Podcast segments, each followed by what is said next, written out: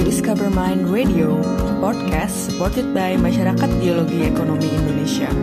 We're here to help anyone gain interest in economic geology by conversing with other geoscientists to share our knowledge and experiences in the fascinating world of geology and mining operation.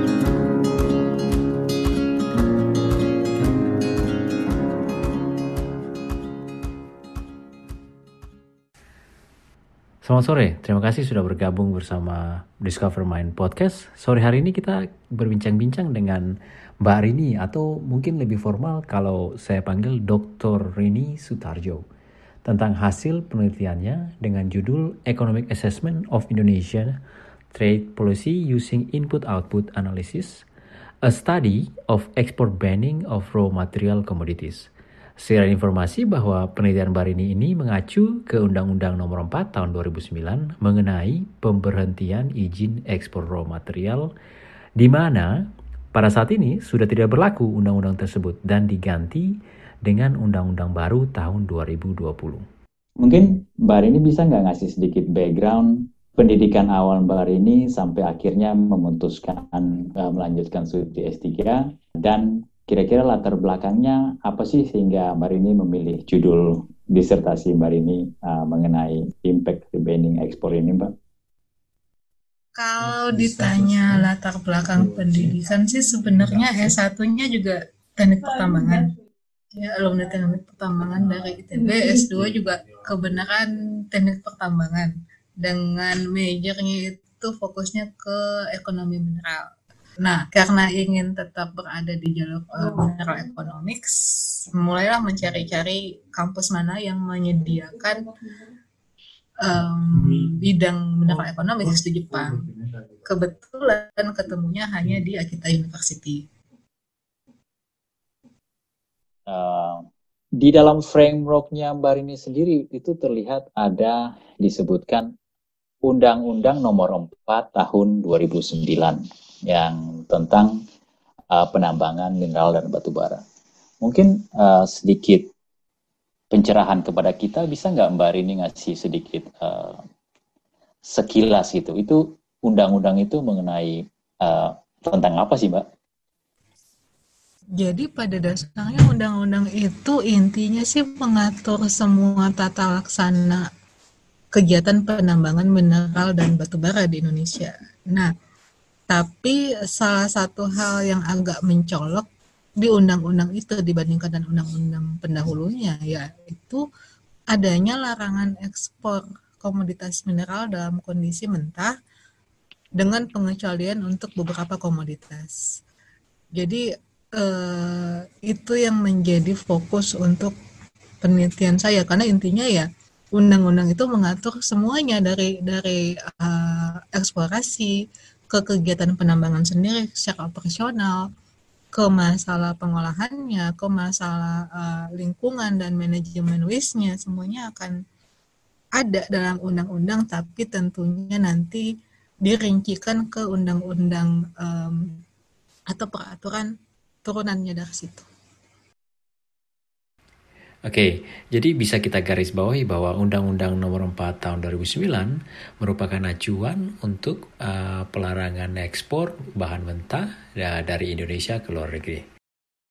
Nah, pertanyaan selanjutnya adalah apa latar belakang Mbak Rini dalam pemilihan uh, topik disertasi Mbak Rini mengenai economic impact dari diberhentikannya izin ekspor raw material yang mengacu ke Undang-Undang Nomor 4 Tahun 2009.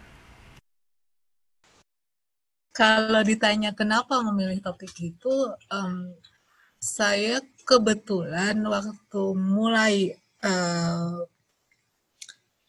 mengajukan aplikasi untuk uh, beasiswa ke Jepang itu sekitar awal 2017.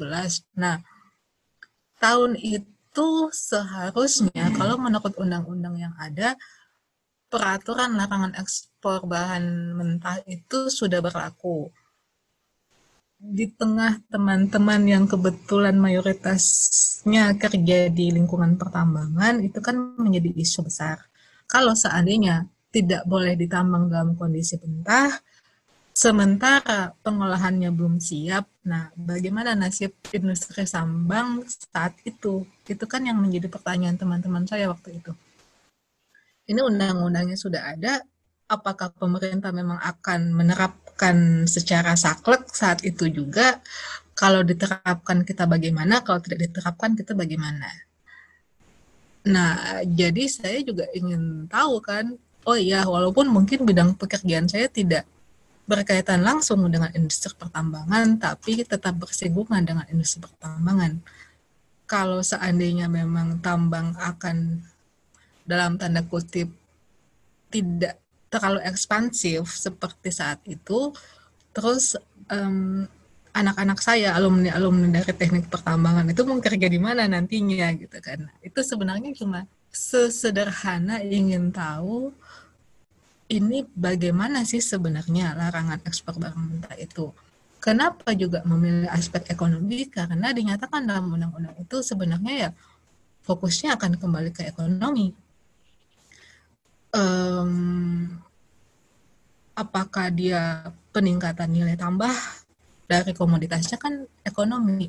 Apakah dia meningkatkan pendapatan negara kan juga ekonomi apakah dia akan uh, membantu penyerapan tenaga kerja kan juga karena ekonomi gitu. Jadi ya itu alasannya kenapa berfokus ke um, asesmen ekonominya saja dulu untuk sekarang karena untuk merambah ke yang lain terus terang sih mungkin ada peneliti yang lebih mumpuni besok-besok bisa melanjutkan gitu jadinya. Terima kasih Morini. Ya memang karena saya juga masih ingat waktu itu kami semua sempat panik ya karena uh, pada saat itu saya sudah mulai bekerja gitu dan ketika uh, pelarangan itu dilaksanakan saya masih ingat banget gitu. Dan teman-teman saya terutama di nikel laterit uh, banyak banget yang cukup cukup panik ya. Dan uh, ada juga yang kehilangan pekerjaan setelah itu. Dan saya pikir uh, satu hal yang sangat penting itu untuk melihat uh, sebenarnya impact ekonomi uh, secara negatif dan positifnya itu balance-nya seperti apa sih? Apa kali banyak positifnya atau negatifnya?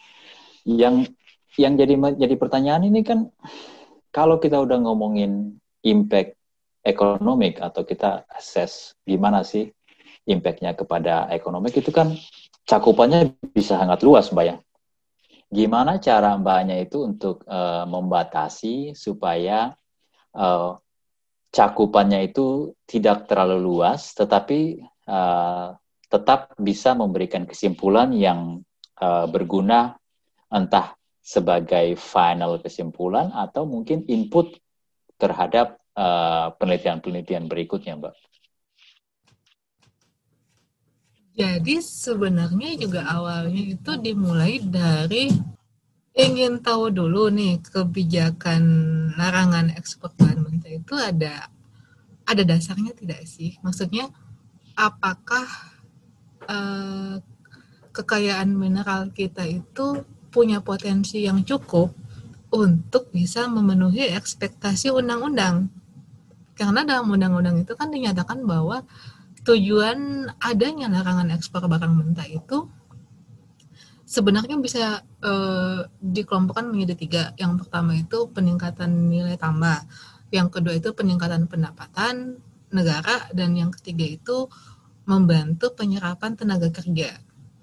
Itu kan secara umum itu adalah tanggung jawab yang besar ya untuk diserahkan kepada komoditas pertambangan sebenarnya. Jadi uh, sementara ketika mulai melakukan peneliti, uh, mencari literatur untuk penelitian tidak banyak ya, yang saya temukan ada yang menjelaskan bahwa memang ada ada dasarnya kebijakan ini.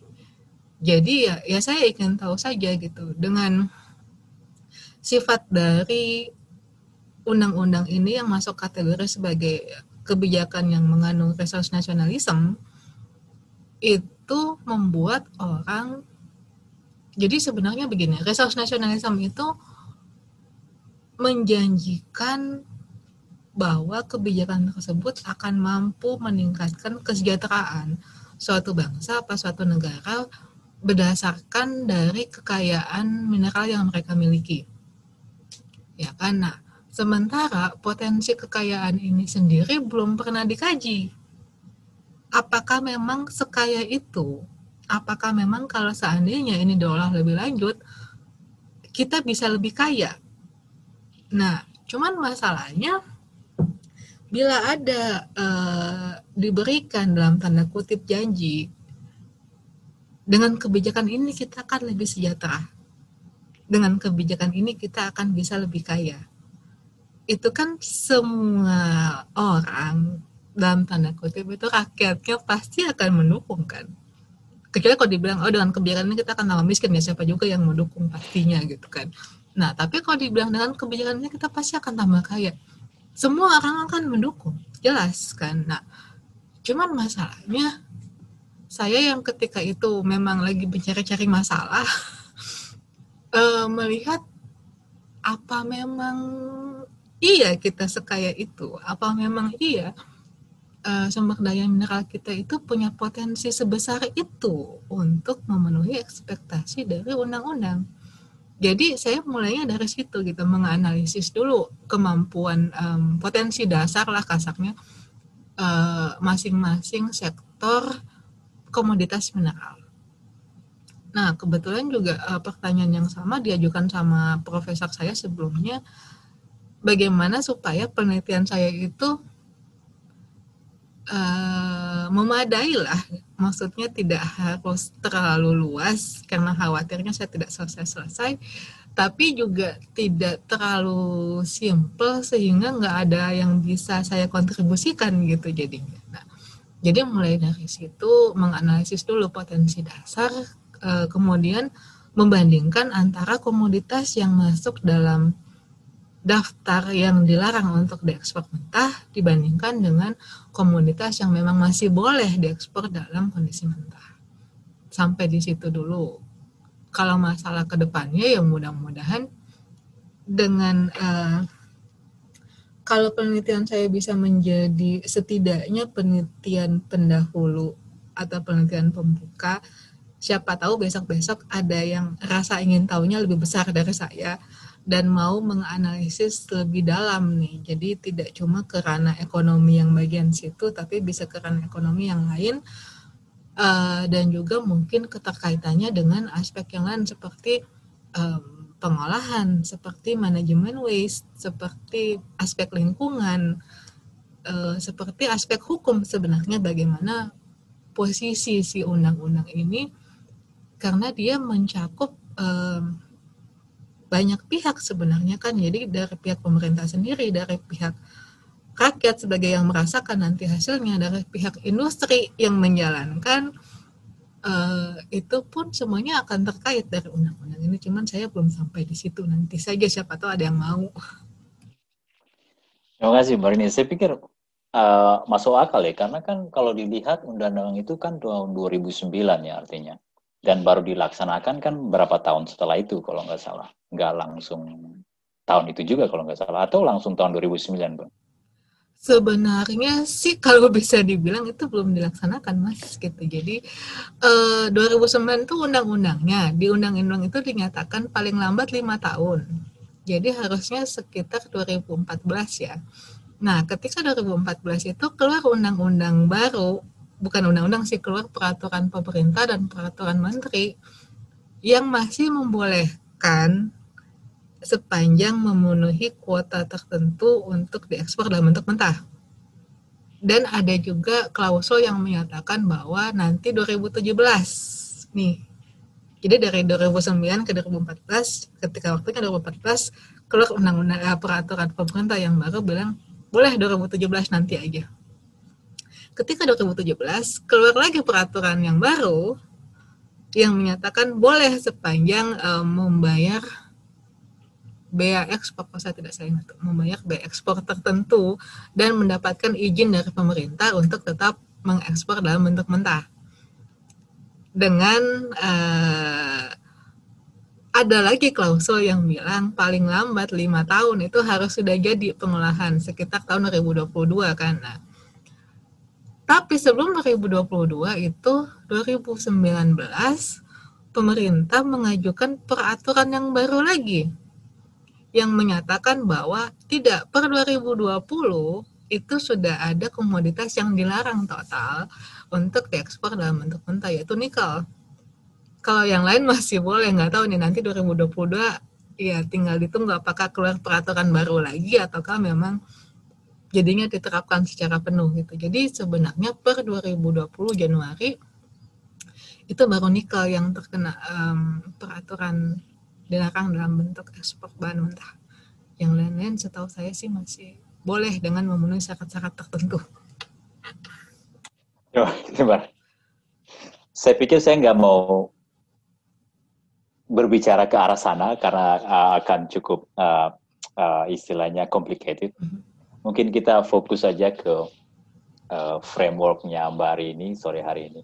Yang yang mungkin pertanyaan berikut itu kalau balik lagi ke uh, 2009 Undang-Undang 2009, apakah menurut Mbak Rini apakah larangan ekspor konsentrat ini, walaupun seperti Mbak Rini baru saja sebutkan belum benar-benar terlaksana, apakah itu bisa dikategorikan sebagai bentuk dari nasionalisasi sumber daya alam.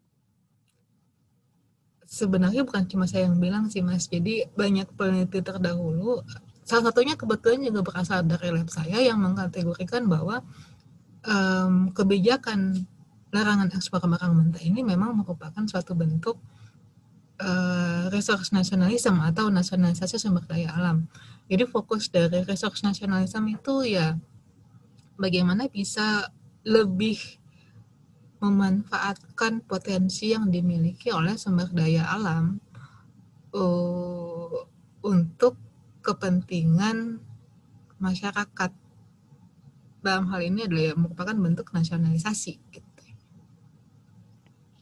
Terima kasih Pak. Jadi memang uh, bagaimana ya? Saya juga dalam konteks yang susah dijelaskan sebenarnya apa um, istilahnya opini kita sebagai praktisi-praktisi yang bekerja di tambang atau lah ya istilah pekerja tambang lah ya. Karena kan dalam satu sisi kita ngerti sih pemerintah ini mau ke mana dan usahanya untuk apa gitu kan. Tapi dalam satu sisi juga kita tahu uh, bahwa uh, industri-industri ataupun pengelola-pengolahan ya sebut secara simpel pabrik-pabrik untuk mengolah bahan mentahnya kita di Indonesia pada saat ini juga gak semua siap gitu ya. Istilahnya kalau kalau ya mau jujur. Dan salah satu yang saya paling sering dengar itu masalah uh, ketersediaan energi. Karena uh, cost produksi itu terkadang sangat uh, besar ketika kita untuk coba untuk mem memproduksi cukup energi untuk menjalankan pabrik contohnya. Dan itu biasanya PLN sendiri belum belum cukup uh, suplainya itu belum cukup dan bisa jadi uh, pakai uh, di diesel generator atau yang berdasarkan bahan bakar fuel itu kan. Nah, uh, kesimpulan Mbak Rini sendiri dalam dalam dalam asesmen ini uh, mungkin kita pelan-pelan aja masuk kesimpulan karena dalam hal ini saya yang saya yang saya agak sedikit uh, agak sedikit masih abstrak itu karena saking banyak yang bisa kita lihat.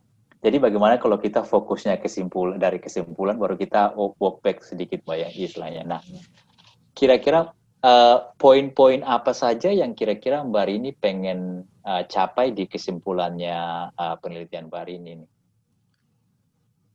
Kalau bisa kembali ke yang pertama Mas Wesley bilang, ya wajar sih Mas ada kebingungan atau mungkin ada yang dirasakan tapi nggak bisa diungkapkan gitu maksudnya. Karena biar bagaimanapun juga di satu sisi kita kan memang uh, apalagi Mas Wesley ya uh, praktisi yang bergerak di industri tersebut gitu, industri ekstraktif um, sumber daya mineral kan sebenarnya. Nah, tapi di sisi lain, kembali hal yang paling basic kita adalah siapa? Warga negara Indonesia. Ya kan? Nah, kalau berpikir dari segi warga negara, ya itulah. Semua warga negara kan pasti pengen negaranya kaya, negaranya maju nih gitu. Semua orang sejahtera gitu kan. Tapi di sisi lain, dari sudut pandang sebagai praktisi di industri, wah, ini sebenarnya um, ambigu nih. Kalau ini ada, apakah saya tetap bekerja, apakah saya jadi tidak bekerja kan jadinya. Benar mbak, benar mbak. Itu apakah paling itu, gampang. Nah, itu jadinya melihatnya apakah kita mau melihat dari ranah besar sebagai uh, dari jiwa nasionalisme kita sebagai warga negara, apakah dari ranah kecil? Karena kembali lagi, ya kalau kita nggak hidup ya gimana mau nasionalis kan sebenarnya. Jadi ya kalau ya wajar sih makanya itu dibilang itu sesuatu yang dirasakan dengan jelas tapi mengungkapinya susah gitu. Um, antara mendukung nggak mendukung antara oke okay, nggak oke okay, antara sepakat nggak sepakat kan itu jadinya abu-abu semua gitu kan. Kalau kesimpulannya uh, menurut hasil yang saya dapat pada dasarnya sebenarnya sektor pertambangan itu atau komoditas pertambangan itu akan lebih menguntungkan kalau diekspor. Ketika ada larangan diekspor dalam bentuk mentah, berarti kan mau nggak mau harus diserap. Nah, yang bertugas menyerap adalah sektor domestik jadinya gitu, yang dalam negeri punya. Sementara kalau dari penelitian saya sebenarnya itu akan lebih menguntungkan untuk menjadi komoditas ekspor walaupun dalam bentuk mentah.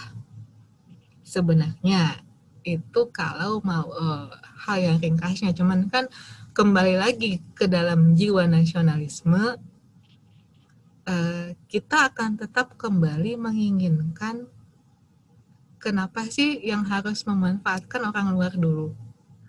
Kenapa enggak industri domestik kita dulu yang memanfaatkan?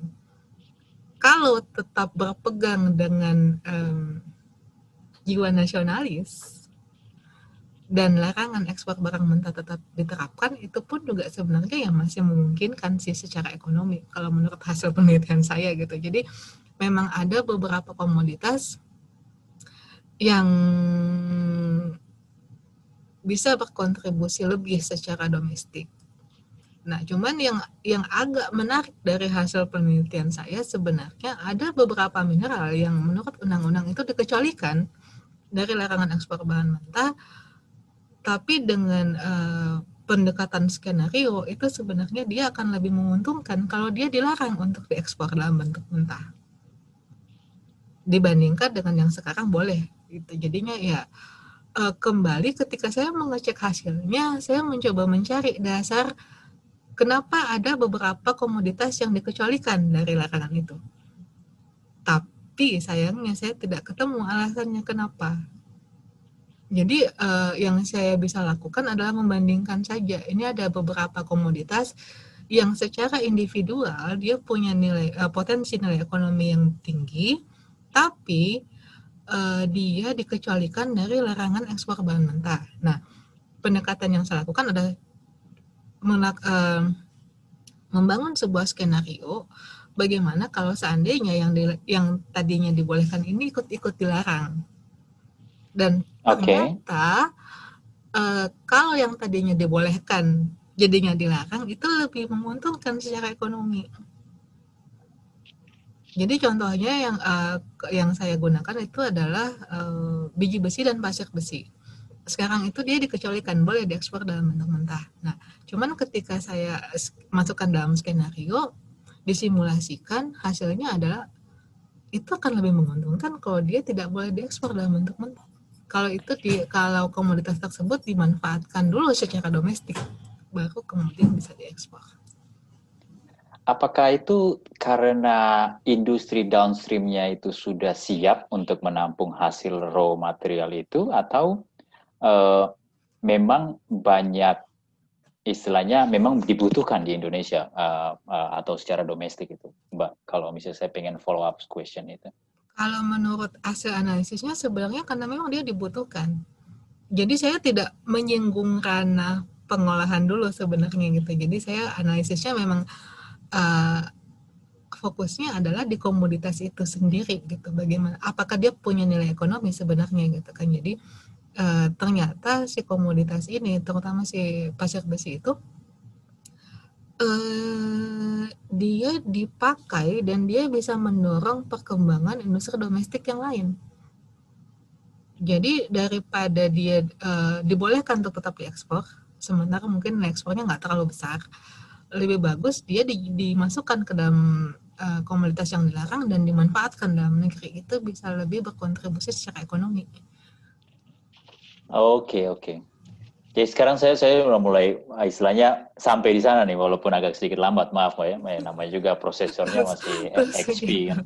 Jadi oke okay, jadi frameworknya kalau kembali lagi ke frameworknya Mbak Rini ini bahwa uh, saya tidak akan melihat apakah bahan itu akan diolah apa enggak, tetapi saya melihat kalau misalnya saya membandingkan istilahnya kalau misalnya raw material ini kita jual atau keluar atau jual ke dalam eh di dalam negeri itu uh, mana yang lebih menguntungkan itu secara ekonomi. Oke, okay. saya mudah-mudahan uh, teman-teman yang mendengar juga istilahnya akhirnya mengikuti atau mungkin mereka lebih cepat paham daripada saya, Mbak ya. Tapi kayaknya yang menjelaskan yang nggak bagus, Mas. Enggak. Tapi udah mantap. Ya, karena memang uh, karena itulah Mbak, karena dari awal begitu kita udah ngomong ekonomik ini kan pikirannya kita bisa ke mana-mana dan saya pikir ekonomi itu memang sangat luas dan makanya saya pikir enak banget ya kita udah sampai ke kesimpulan ah baru kita dapat nah ini baru nah, istilahnya kita bisa merunut lagi istilahnya dari awal. Ah jadi kalau misalnya pelarangan ini memang lebih menguntungkan untuk di ekspor keluar untuk beberapa komoditi. Uh, kira-kira menurut uh, hasil penelitian bar ini, kalau boleh sebutkan secara general, kira-kira komoditas apa sih yang uh, lebih baik dijual keluar atau lebih baik dipakai di dalam negeri dulu saat ini? Uh, contohnya mungkin beberapa yang lebih baik untuk dipakai dalam negeri itu seperti bauksit, pasir besi, um, kemudian nikel itu sebenarnya akan lebih menguntungkan kalau dia diekspor dalam bentuk mentah. Justru walaupun sekarang dia uh, sekarang kan dia dilarang untuk ekspor dalam bentuk mentah. Jadi uh, apa ya? Nah kembali lagi sih gitu, kenapa ada yang boleh, ada yang tidak boleh itu yang belum bisa saya jawab ya. Siapa tahu mungkin ada penelitian berikutnya yang bisa menemukan jawabannya uh, kenapa akhirnya memilih untuk melarang beberapa dan memulihkan beberapa gitu. Jadi ya. Atau mungkin lebih ke transparansi transparansi dari uh, latar belakang undang-undang yang diterbitkan mungkin Mbak ya. Misalnya atau jadi ada nggak sih latar belakang kenapa undang-undang 2009 ini diterbitkan sebenarnya Mbak? Itu kan pertanyaannya itu Mbak. kalau kalau kalau yang sepengetahuan saya dulu ya, dulu itu ketika undang-undangnya belum ada, belum 2009 waktu itu, salah satu dosen saya di ITB itu sempat menyinggung bahwa ada semacam mungkin dengar pendapat ahli dari akademisi dan lain-lain uh, untuk penyusunan undang-undang minerba yang baru yang nomor 4 tahun 2009 itu. Tapi saya tidak mendapatkan cerita lebih lanjut kenapa sampai uh, timbullah larangan itu. Cuman uh, kalau bisa ini opini pribadi tapi ya. Kalau bisa saya lihat sekitaran tahun 2009 itu sepertinya masa ketika komoditas pertambangan lagi jaya. Jadi harga-harga naik, produksi tinggi. Nah, ketika itu ya timbullah jadi sebenarnya eh, banyak kebijakan resource nasionalisme itu dasarnya adalah ketika memang industri lagi bagus orang berpikir bagaimana caranya kita memanfaatkan ini lebih banyak gitu loh jadi tidak hanya sekedar mengandalkan produksi dan nilai jual ya. Jadi apalagi sih yang bisa kita ambil dari komoditas pertambangan terutama untuk kepentingan negara dan bangsa. Nah dari situlah timbul keinginan ya sudah gitu. Nah sekitar tahun itu pun juga eh, banyak negara yang memang mengadopsi kebijakan resource nasionalisme karena kan booming eh, mineral komoditas itu akan terjadi secara global dan masalahnya adalah itu kan 2009. Nah, ketika terus ditunda-tunda, kan juga nilai komoditas tidak selamanya tinggi ya. Harganya kan tidak selamanya di atas gitu akan jatuh ke bawah. Nah, ketika berpikir untuk menerapkan secara penuh apalagi periode kayaknya 2014 sampai 2017 itu komoditas justru lagi jatuh karena uh, sepengalaman saya banyak teman-teman yang akhirnya dirumahkan. Ada yang uh, memilih untuk sekolah lagi gitu. Dan maksudnya uh, industri lagi tidak bagus ketika itu mau diteruskan gitu. Makanya juga mungkin itu yang menjadi alasan kenapa un, uh, larangan ekspor komoditas mineral mentah ini belum diterapkan secara penuh. Diputuskan ketika harga lagi bagus mau diterapkan ketika harganya jelek lah terus apa yang mau dimanfaatkan jadinya gitu kan ya sudahlah tunda dulu tunda dulu gitu jadinya kalau se sepembacaan saya sih begitu.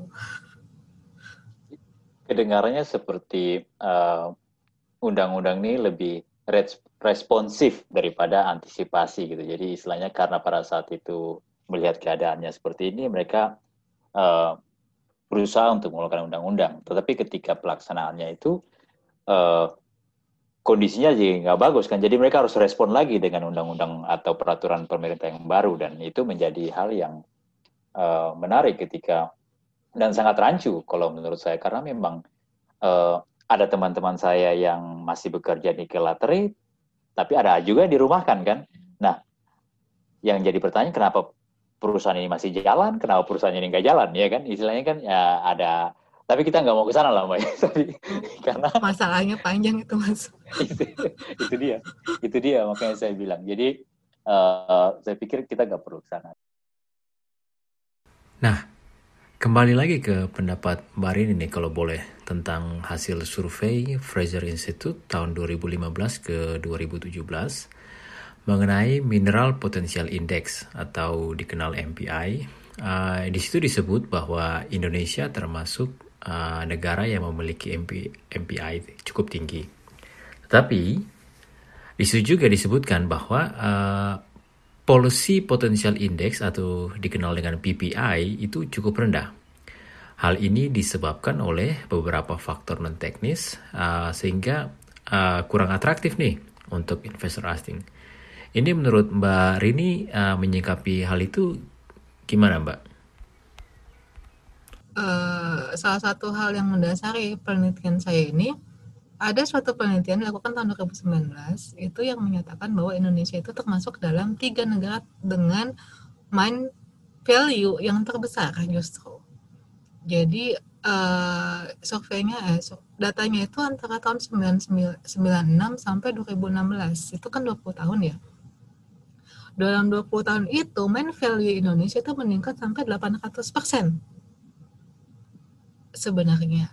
Masalahnya adalah dari tiga besar ini, yang dua ini kalau menurut standar World Bank, World Bank itu e, bisa pindah kategori negara.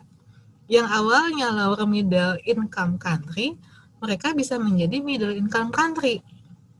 Sementara Indonesia sebagai bagian dari tiga besar negara dengan main value terbesar, itu 96 di lower middle income country, 2016 lower middle income country. Lah terus nilai yang sebesar itu tuh ke mana? Pertanyaannya kan jadi di situ. Nah itu eh, jadi secara memang secara potensial dari mineralnya itu memang besar sekali. Nah cuman masalahnya itu juga yang menjadi mungkin dasar kenapa muncullah kebijakan uh, resource nationalism kenapa sih kita nggak bisa jadi negara middle income country atau mungkin upper middle income country gitu kan? Cuman nah kembali nih ke masalah uh, polisi potensial indeksnya. Kalau menurut opini saya pribadi ya dengan pemerintah ini ada undang-undang kemudian peraturan turunannya itu melonggarkan undang-undang ya kan dari 2009 eh 2004 ke 2009 dilonggarkan, 2009 2014 dilonggarkan, itu justru yang membuat orang tuh atau investor dan terutama investor asing kan jadinya bingung. Maunya apa nih pemerintah?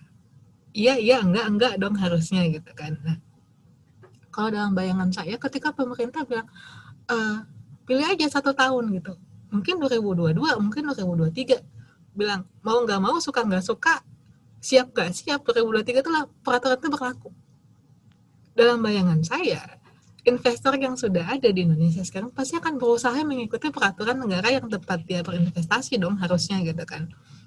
Jadi ya sudah mereka akan mengupayakan bagaimanapun caranya supaya per, mungkin 2022 atau mungkin 2023 mereka siap nah kalau kayak gini kan orang-orang kan gini ragu-ragu. Saya bangun pabrik pengolahan tahu-tahu nanti di tahunnya ah boleh. Nah kan rugi dong jadinya. Akan kembali ke masalah untung rugi kan kembali namanya investor ya.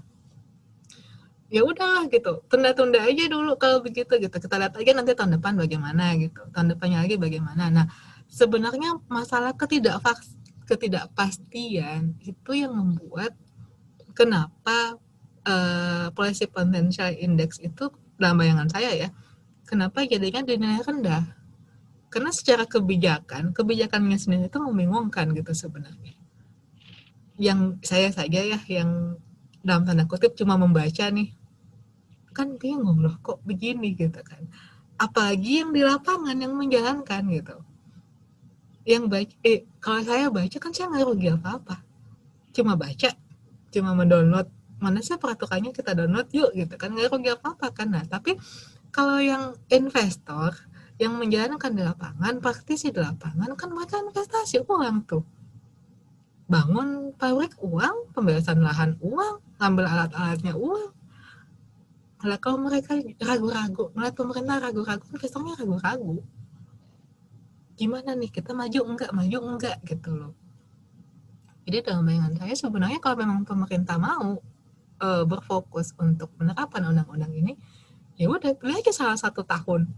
Set aja di situ. Siap nggak siap suka nggak suka mau nggak mau tahun itu kita jalankan gitu loh. Kan orang jadinya oh ya sudah gitu. Nanti nih 2023 harus berlaku. Cari duitnya cepat. Cari alatnya cepat. Bangun pabriknya cepat gitu kan. Kalau memang serius untuk berinvestasi di tambang di Indonesia karena kan sudah ya sudah sudah dibuktikan dengan menerap potensial indeks gede kok potensi mineral Indonesia gitu. Jangan takut investasinya balik apa enggak gitu kan. Cuman masalahnya ya itulah um, kebijakan yang agak labil.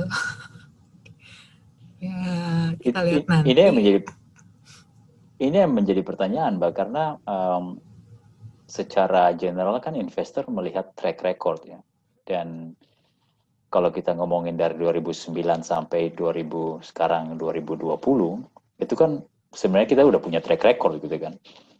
Dan walaupun saat ini misalnya saja ada benar-benar polusi atau kebijakan yang bilang kita akan melaksanakannya pada tahun 2022 contohnya itu kan siapa yang menjamin itu akan terlaksana ya Mbak itu yang yang jadi benar gitu, secara secara itu bukan bukan favoritnya investor lah untuk untuk melihat uh, kerancuan seperti itu kan ya?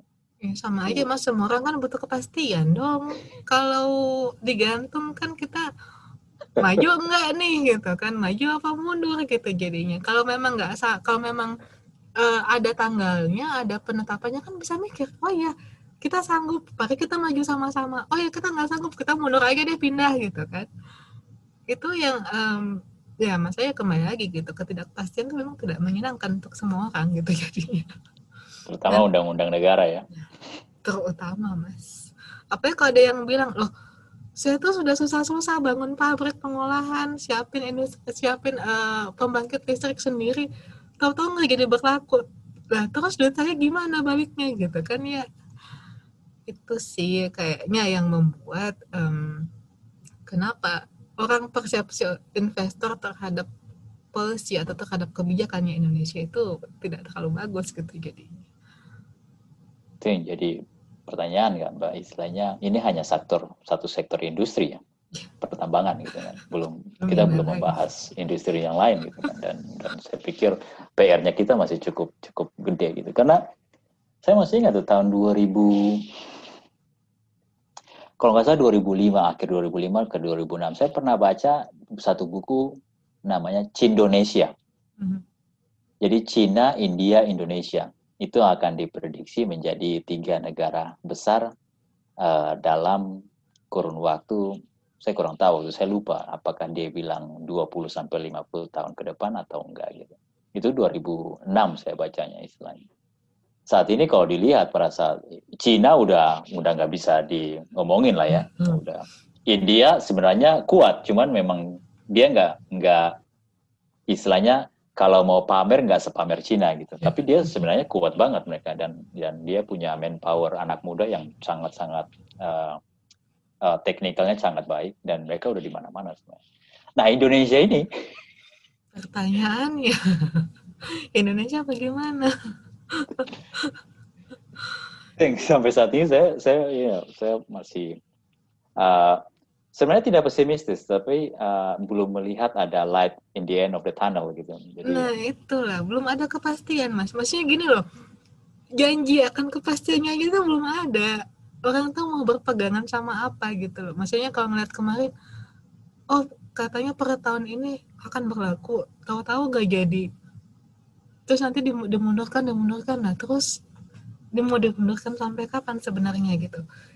Uh, nah salah satu juga pertanyaannya profesor saya itu adalah, kamu optimis nggak sih ini bakal tetap diberlakukan apa enggak gitu. nah itu yang um, yang tidak bisa saya jawab sebenarnya gitu karena kalau membaca intensif pemerintah itu memang agak uh, apa ya saya belum sampai ke sana kemampuannya gitu loh. Jadi ya saya bilang saja terus terang saya nggak tahu sensei gitu. Uh, karena kalau menurut sepertinya begini keinginan ada untuk menerapkan larangan itu. Keinginannya besar sekali cuman masalahnya adalah kemampuan dan ketegasannya yang mungkin tidak sebesar keinginan. Uh, masalah uh, mampu, pemerintah Indonesia sepertinya masih memiliki kekhawatiran kalau seandainya mereka saklek menerapkan undang-undang, nanti pada lari nih investornya. Ya kan? Nah, Nah, itu membawa ke masalah yang kedua yaitu jadinya kan tidak tidak tegas gitu jadinya. Sementara kalau saya pribadi masih ya sama seperti Mas Wesley gitu, masih optimis kok gitu. Negara kita potensi menekannya memang bagus kok. Kita tidak akan menjadi salah satu dari tiga negara dengan main value terbesar kalau memang kita nggak punya potensi kan sebenarnya. Dan yang melakukan penelitian itu bukan orang Indonesia gitu, memang orang-orang luar yang melihat dengan kacamata emang mau memang punya potensi gitu. Cuman masalahnya ya ya itu kembali sih. Bagaimana ini akan diterapkan sebenarnya? Wah terima kasih banyak Mbak Rini. Mungkin untuk terakhir uh, kalau boleh Mbak Rini meringkas uh, kesimpulan dari penelitian Mbak Rini dalam satu paragraf gitu untuk bisa uh, di disimak secara uh, sesimpel mungkin karena kan uh, merangkum disertasi Mbak ini dalam satu paragraf saya pikir cukup cukup berat tapi saya mau cobalah uh, tanya hari ini kalau bisa merangkum itu dalam satu paragraf. Uh, bagaimana ya sebenarnya begini potensi sektor mineral Indonesia itu pada dasarnya cukup besar. Kalau secara logis itu lebih menguntungkan kalau seperti sekarang diekspor untuk dimanfaatkan sebagai komoditas ekspor dan diekspor dalam bentuk mentah secara logis. Tapi kembali ke iya kita warga negara Indonesia gitu. Punya jiwa nasionalisme kita sendiri kan gitu kan. Kita tetap akan menginginkan itu kekayaan negara kenapa sih nggak dimanfaatkan oleh negara? Nah dari sudut pandang itu jadinya kalau memang mau tetap diterapkan si kebijakan larangan ekspor barang mentah ini ya mungkin lebih bagus kalau dikaji lebih lanjut yang mana yang tetap dibolehkan untuk diekspor mentah, yang mana yang tidak dibolehkan untuk diekspor mentah. Dan uh, karena masing-masing komoditas itu kontribusinya secara ekonomi domestik maupun secara ekonomi uh, ekspor itu tidak sama gitu jadi. Terima kasih banyak Mbak Rini.